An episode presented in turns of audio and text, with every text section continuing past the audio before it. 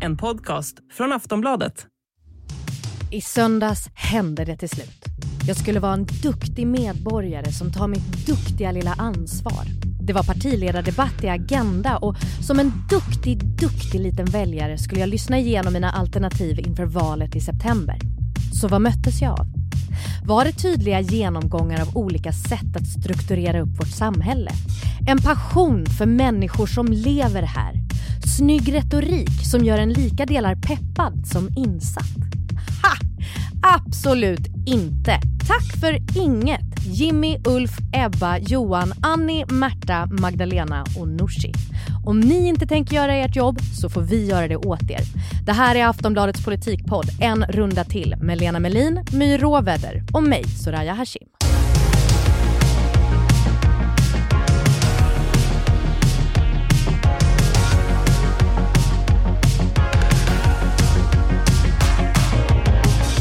Lena och My, halloj. Halloj. Vi ska börja i NATO. Det är ju en historisk vecka. Det, det, är kanske det vanligaste uttrycket den här veckan. Det är en historisk vecka. Just nu är det torsdag morgon. President Sauli Niinistö och statsminister Sanna Marin har precis gett besked om att Finland kommer säga I do framför prästen och församlingen på bröllopet. Och på söndag är det Sveriges tur att avslöja hur vi ställer oss till detta månggifte och förväntningen är ju att vi gör som Finland gör. Hur mycket pengar vågar ni satsa på att det blir ett ja till NATO för vår del? Ja, om man, jag skulle kunna satsa nästan hur mycket som helst. Ge mig en summa. Ja, men 10 000 säger vi då.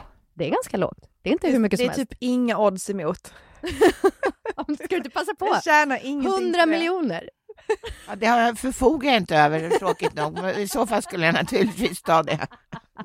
Då hade Lena inte suttit här. Då hade hon ägt en ö i Västindien. Eller? Eller någon annanstans. Men det, det här har ju gått superfort och det är en väldigt historisk situation vi är i. Om man har missat varför det är historiskt och varför det har gått fort så rekommenderar jag verkligen att man lyssnar på vårt förra avsnitt med det otroliga namnet To be or not to be. Men, ja, det är inte tack vare mig som det heter så, tyvärr. Jag önskar att det var jag. Trots att du är från Göteborg. Trots att jag är från Göteborg, men jag uppskattar det väldigt, väldigt mycket. Ehm, men där går vi igenom allting eh, med NATO, så det rekommenderar jag verkligen om man vill ha liksom crash course i NATO. Allting tyder alltså på att Magdalena Andersson kommer deklarera ett ja till NATO på söndag. Men jag undrar, vad händer efter det? Vi har pratat så himla mycket om will they, won't they, men vad händer när man väl har sagt ja? Vad är liksom processen fram till att vi är en fullvärdig medlem i NATO? Alltså, regeringen förväntar sig att fatta något, eh, ett besked då eller beslut på måndag. Mm. Och då befinner sig Ann Linde i, alla fall i Bryssel för att det är något ministermöte där. Mm. Och eh, enligt hävd är det utrikesministern som lämnar in den här ansökan som behöver bara vara en rad. Och, eh, Jag vill gå med, tack. Ja, tack så mycket. Kram Ann Linde. Ja. Och eh, då kan ju hon göra det när hon ändå är där, för NATO-högkvarteret ligger ju i Bryssel. Mm. Och sen vidtar en process som enligt eh, NATOs generalsekreterare eh, Jens Stoltenberg tar ungefär två veckor när då så att säga NATOs stab går igenom vad en, en sån här ansökan skulle innebära för NATO. Och sen så skickas det här ut till alla medlemsländer och sen så så att de får del av den här upp, de här uppgifterna som har utarbetats på NATO-staben. Sen så kommer liksom eh, NATOs, eh, NATO-organisationens beslut, men det ska ratificeras, alltså godkännas i samtliga nuvarande 30 medlemsländer i NATO. Och det är en process som eh, tydligen normalt sett tar ett år, men som man nu tror kommer gå lite snabbare. Så hur långt fram i tiden pratar vi tills vi Ja, om, om det är ett år, då är det ju nästa sommar och är det kortare tid så är Är det det, kortare tid? så är det, ja, så kan det i bästa fall vara vid årsskiftet skulle jag tro. Jaha, okej. Men, men måste man inte ta några beslut i riksdagen eller så, My?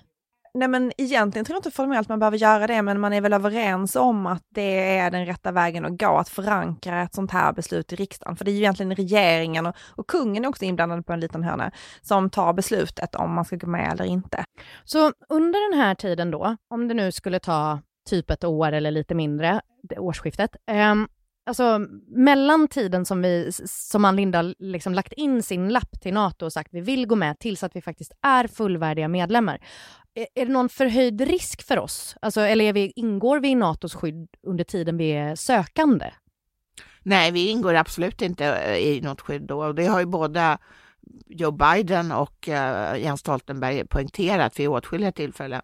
Men däremot så har vi ju en säkerhetsklausul inom EU-fördraget som, som ger, eh, där, där man säger att man ska ställa upp för andra länder, eh, eller för medlemsländer som på något sätt hotas. Mm. Eh, så där finns ju en, en säkerhetsklausul. Och sen här, igår då så, så var ju Boris Johnson, den brittiske premiärministern här, och britterna och vi har ju nu en ömsesidig sån här säkerhetsöverenskommelse, så de ska också skynda hit med flotta och flygvapen och vad det nu kan vara om det skulle behövas. Så vi har vänner som kan tänka sig liksom hjälpa till om, om Putin blir skitarg på oss för att vi har skickat in den här ansökan, men det är inte NATO som kommer hjälpa oss nu?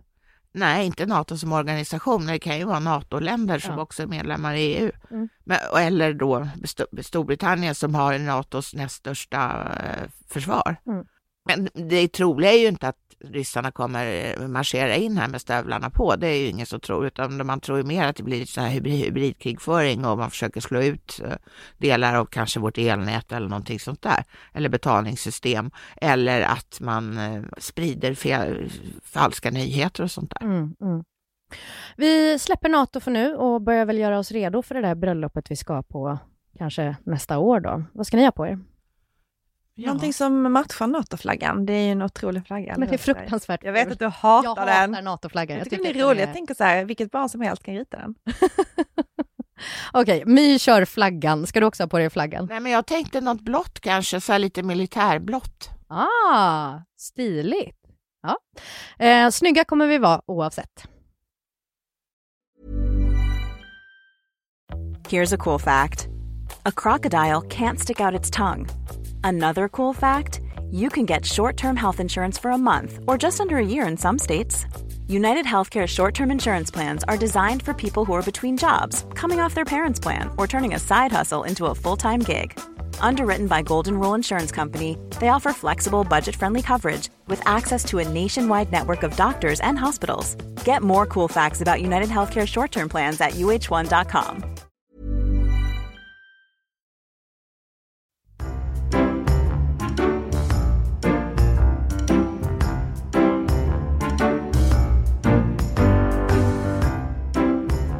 söndags var det partiledardebatt i SVTs Agenda och jag var verkligen inte sugen på att se den eftersom jag börjat kolla på en brittisk krimserie som är superspännande just nu. Men jag tycker väl någonstans att det ingår i min ja, det här är lite högtravande, men medborgerliga plikt att ändå försöka hålla lite koll på vad som händer i samhället och vart partierna står i olika frågor eftersom, ja, det är ju val om fyra månader. Och vad möttes jag av?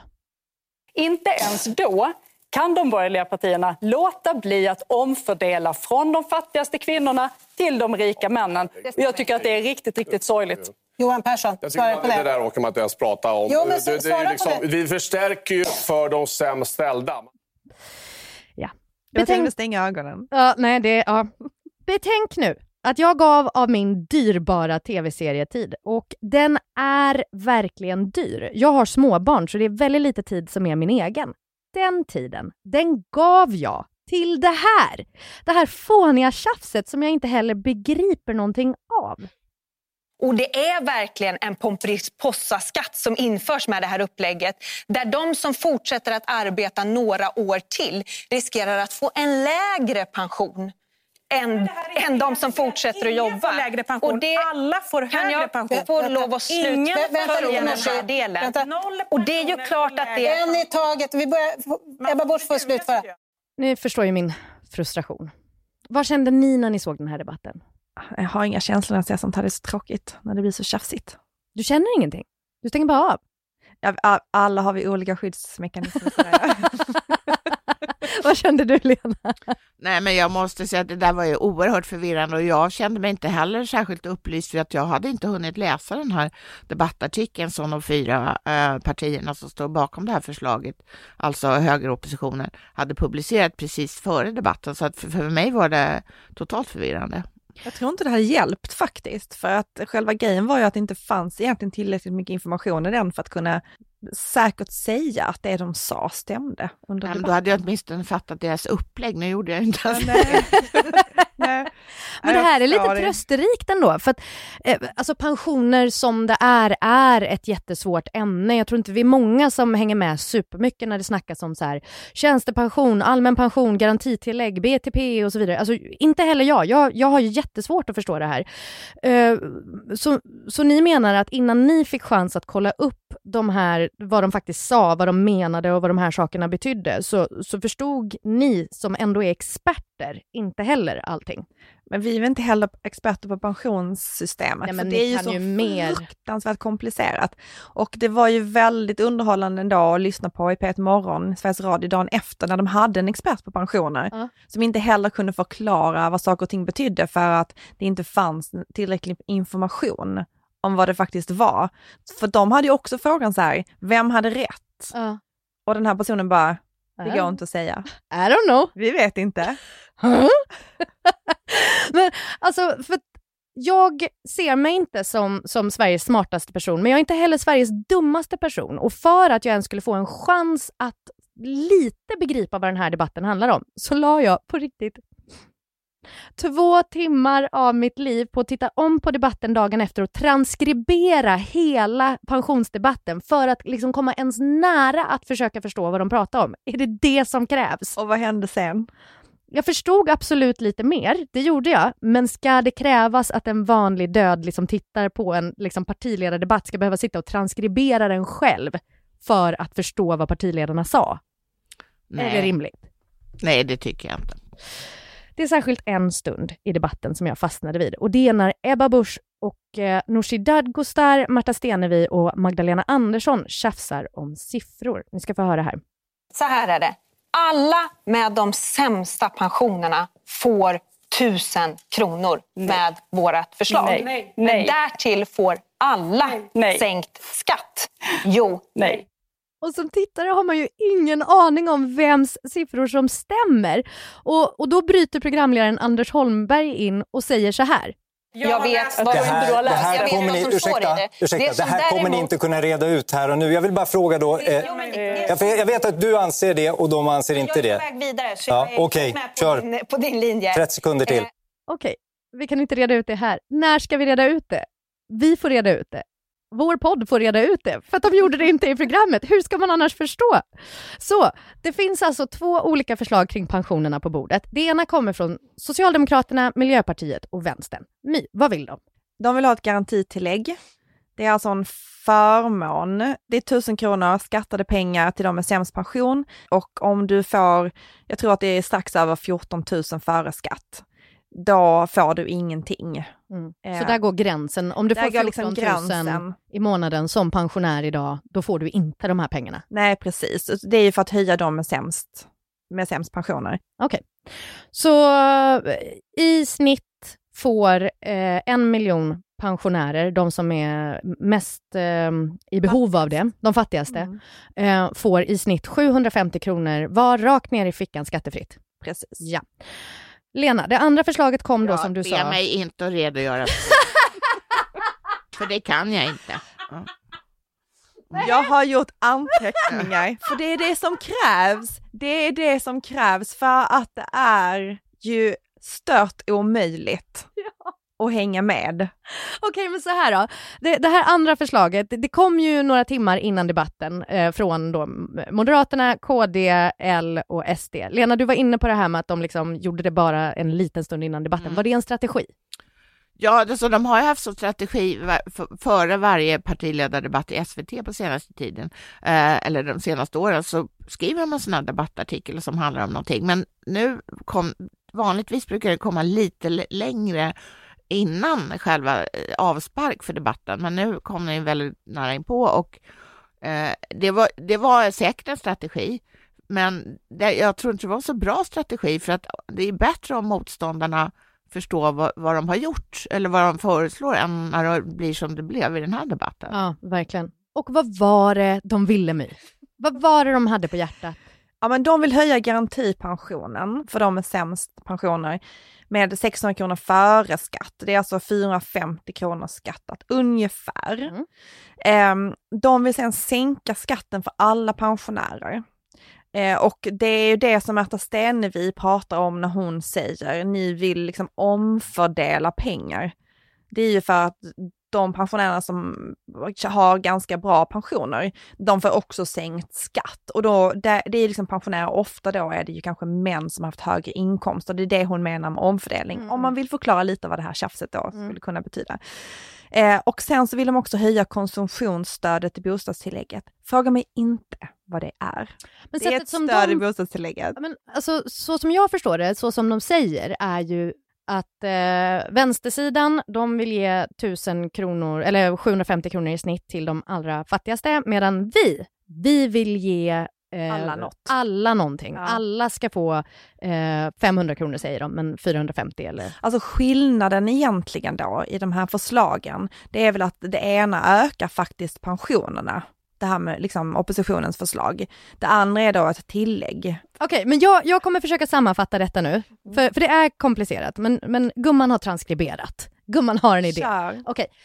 Vänstern har ett förslag som säger de sämst ställda får 750 kronor i snitt i fickan i månaden skattefritt. Högeroppositionens förslag är alla får lite mer, men de sämst ställda ska också få de, de kommer få tusen kronor eh, i fickan. Anledningen till att vänstern säger att högerns eh, förslag inte stämmer, varför de står här och säger ja, nej, ja, nej, ja, nej, är därför att det handlar inte om en peng de bara ska få, utan det handlar om andra faktorer i deras liv där till exempel sank, eh, skatten kanske ska sänkas, det kanske är något bostadstillägg, bla bla bla. Och att de här olika små eh, klumparna tillsammans kommer bli tusen kronor mer för de sämst ställda och att man kan inte lita på att det är det som riktigt kommer hända för dem.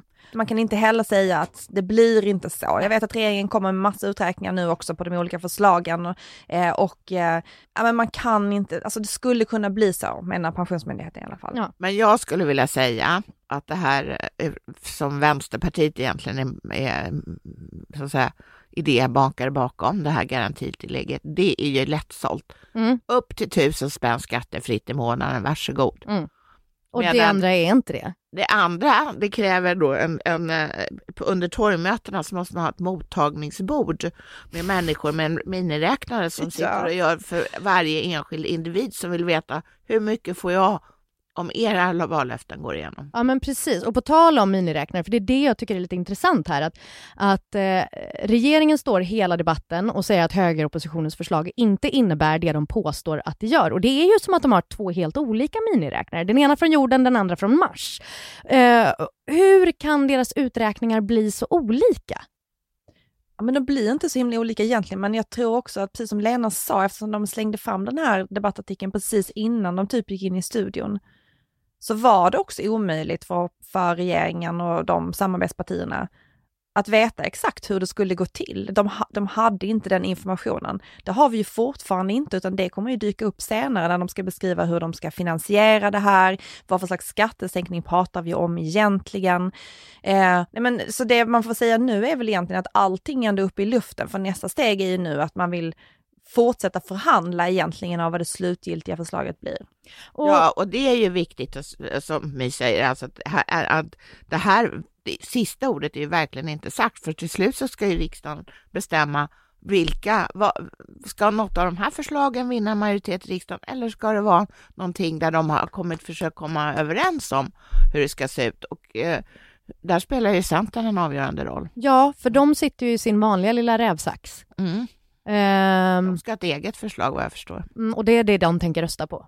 Ja, i första omgången ja. För det här är ju vårändringsbudgeten.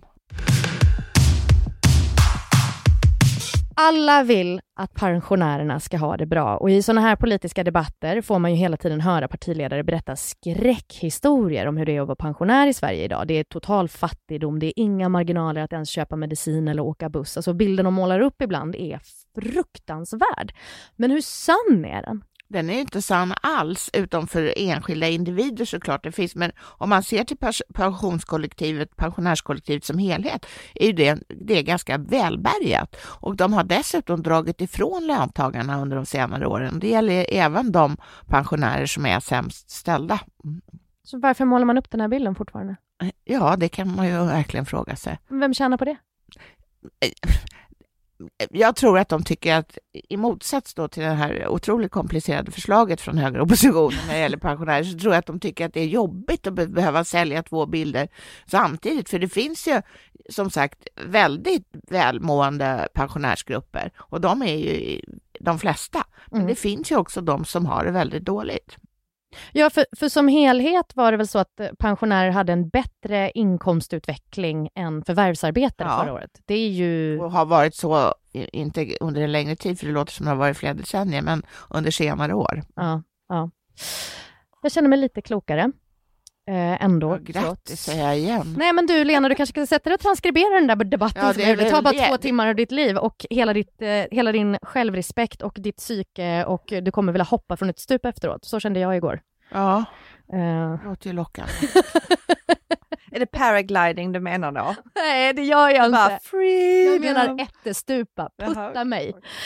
Eh, men, men jag undrar då, liksom, det, här, det här som ni försöker göra nu i alla fall, liksom, alltså, är inte det politikernas uppgift? Varför är det så sällan som partiledarna vågar stanna upp i den här kampen om att vinna retoriska poänger?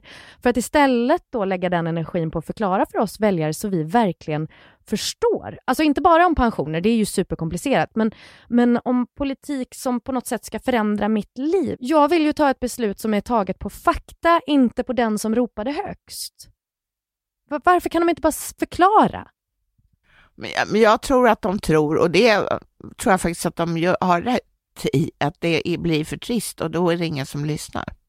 Det finns ju jättemånga jättepedagogiska människor i detta land. Kan man inte liksom anlita några sådana som kan så ge en lite snyggare, tydligare talepunkter så att man förstår de mest komplicerade sakerna? Jag tänker, vad heter han, Hans, eh, han, forskaren som, som gick bort för några år sedan, Hans eh, Rosling. Rosling med klossarna. Superpedagogiskt, jättesvåra saker, man fattar. Men i politiken så måste fakta också formas efter vad politiska budskap är. Och det är ju där som den här otydligheten kommer in. Det låter ju som en lögn. Alltså det låter ju som att fakta formas efter vad budskapet är. Det låter ju som... Ja, men det handlar väl mer om att utelämna sån information som inte passar ditt politiska budskap för att liksom, Nej, men det, det är ju lite som det här med pensionärerna. Då säger man inte att de allra flesta pensionärer har det skitbra Nej. ekonomiskt.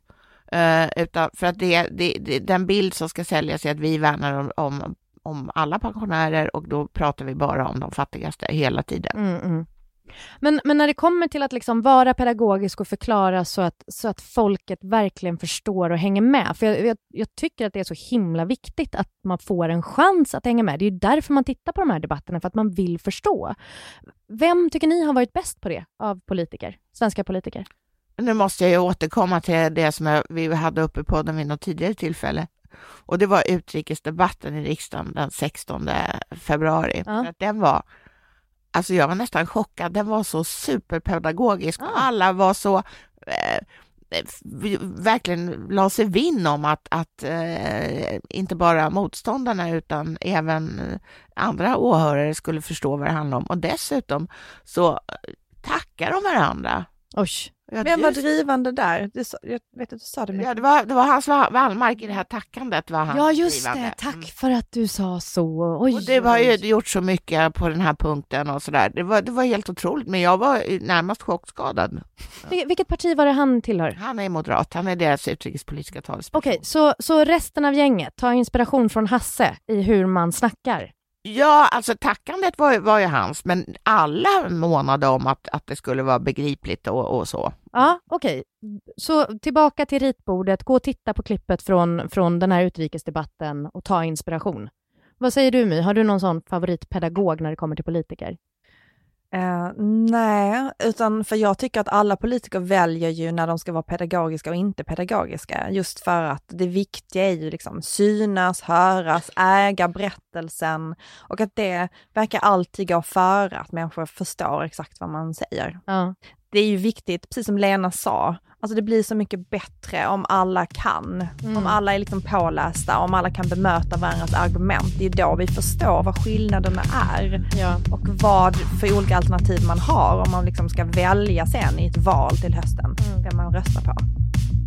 Tack så jättemycket Lena och My för idag. Eh, programmet är slut för idag och vi är såklart tillbaka nästa vecka igen. Vi som har gjort programmet är producent Olivia Svensson, experter Lena Melin och My Råväder och jag heter Soraya Hashim.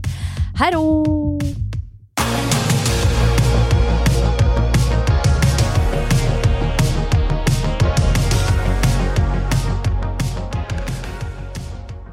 Du har lyssnat på en podcast från Aftonbladet. Ansvarig utgivare är Lena K Samuelsson.